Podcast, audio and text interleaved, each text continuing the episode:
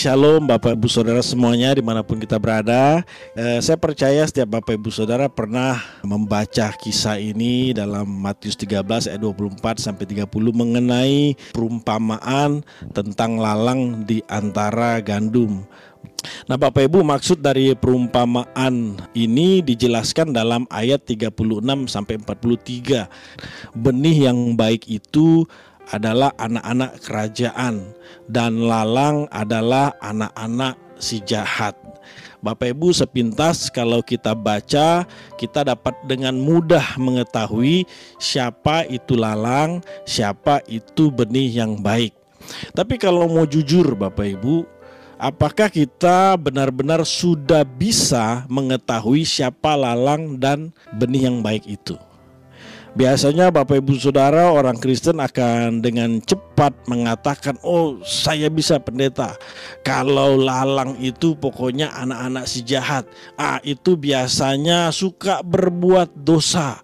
Jina, cabul, judi, mencuri dan sebagainya. Ah kira-kira itulah lalang Pak Pendeta Nah, Bapak Ibu Saudara tidak salah, tapi e, kalau pemahaman kita hanya mengetahui lalang berdasarkan perbuatan dosa yang seperti itu, kita melupakan satu bagian di Alkitab dalam Yakobus 4 ayat 17 yang mengatakan seperti ini, Bapak Ibu.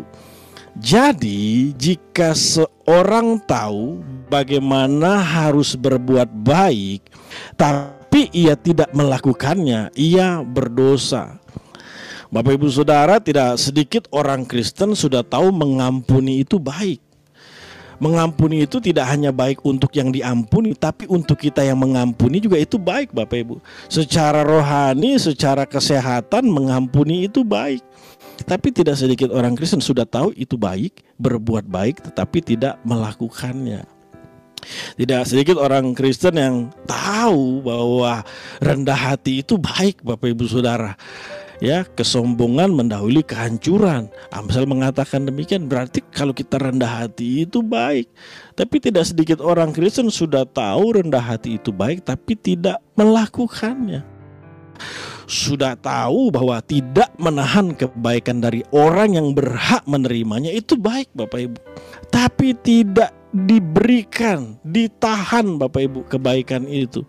Sudah tahu itu baik tapi tidak melakukannya maaf Bapak Ibu Saudara, kalau ada orang Kristen seperti ini, sekalipun dia ke gereja tiap minggu, bahkan pelayanan dan jadi hamba Tuhan pendeta seperti saya ini Bapak Ibu. Dia tetap lalang Bapak Ibu. Sudah tahu berbuat baik tapi tidak melakukannya. Itu dosa. Bapak Ibu kalau kita perhatikan Alkitab tidak kurang-kurang Tuhan Yesus itu memperlihatkan kebaikannya selama di dunia ini. Dia mengampuni dia rendah hati. Bahkan Tuhan Yesus tidak menahan kebaikan dari orang yang berhak menerimanya. Dia lihat orang susah, dia tolong Bapak Ibu. Ada orang berdosa, diampuni. Dia lihat ada orang yang jatuh, dia angkat.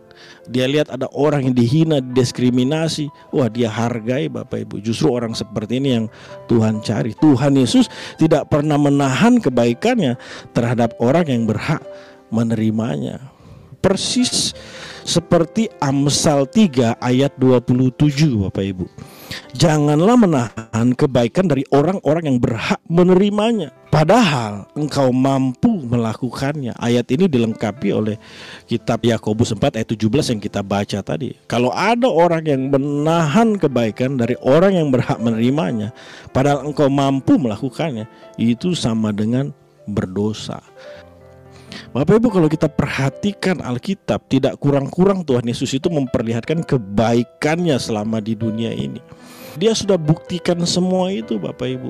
Dia sudah menunjukkan itu kepada kita Bapak Ibu. Tinggal kita tiru jejaknya Bapak Ibu Saudara.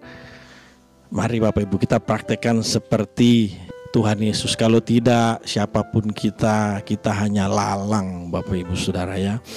Demikian renungan hari ini. Biar memberkati kita semua. Tuhan Yesus memberkati Bapak Ibu.